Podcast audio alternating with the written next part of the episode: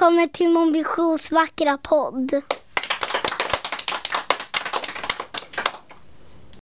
Kapitel 12. I salongen en trappa upp i Miriams hus stod ett dockskåp. Miriam hade byggt det själv och det såg precis ut som hennes riktiga hus fast litet. Issa kunde sitta i timmar och leka med dockskåpet. Han flyttade runt dockfamiljen i de olika rummen, bäddade ner dem i sängarna eller satte dem runt matbordet. Han tyckte särskilt mycket om den sista dockan, en pojke med svart hår. Jag tror att han tyckte att den var lik honom. Miriam tog fram en låda med pyttesmå julsaker och jag hjälpte Issa att göra fint i de små rummen. Titta Issa, sa jag och tände en liten julgran. Lamporna lyser på riktigt.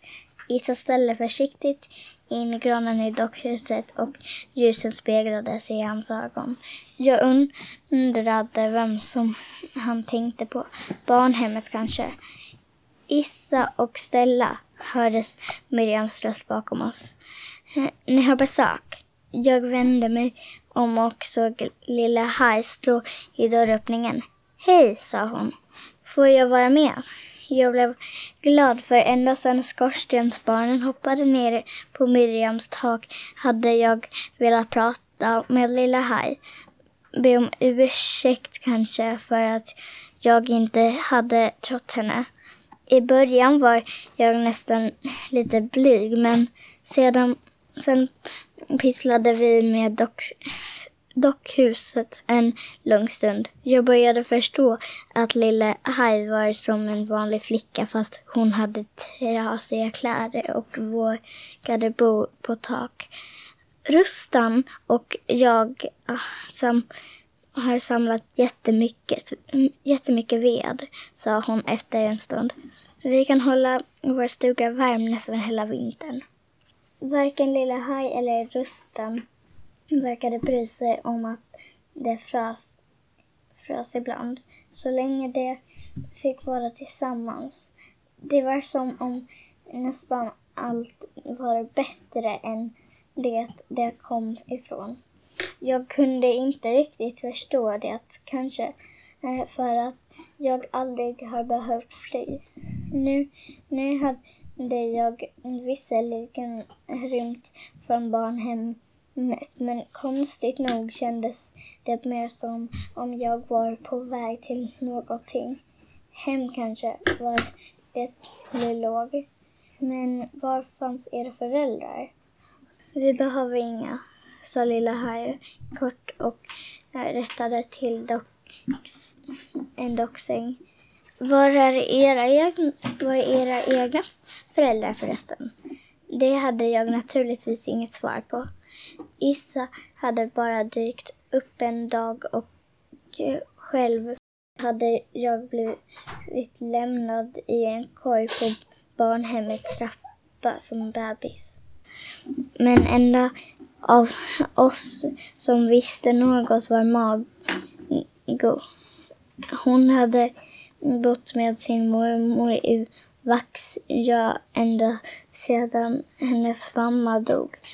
Men i höstas hade hennes mormor också dött. Fast Mago var, var, har ju sin pappa, sa jag. Han kommer och hämtar henne snart. Lille, om oss också om vi vill.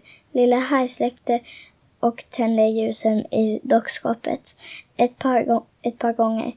Jo, Margot pratar mycket om sin pappa, sa hon. Men han svarar inte på, hem, på hennes brev. Vi satt tysta en stund och såg hur Issa, Issa ännu en gång satte dockorna runt matbordet.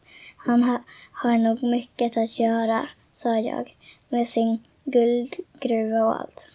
Lilla här gick hem efter en stund och jag satt kvar och såg på medan Isa lekte med familjen i Miriams dockskåp. Det var de varma ljusen från den lilla julgranen lyste upp dockornas ansikte och plötsligt såg de så ensamma ut. Jag blundade och såg Magos brev all falla som, som snöflingor över den varma marken i Sydafrika.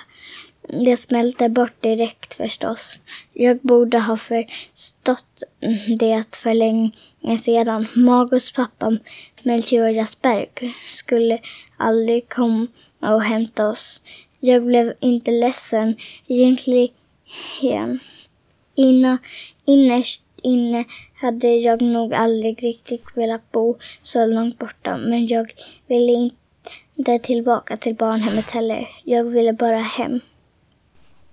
Tack till alla trofasta lyssnare. Hej då!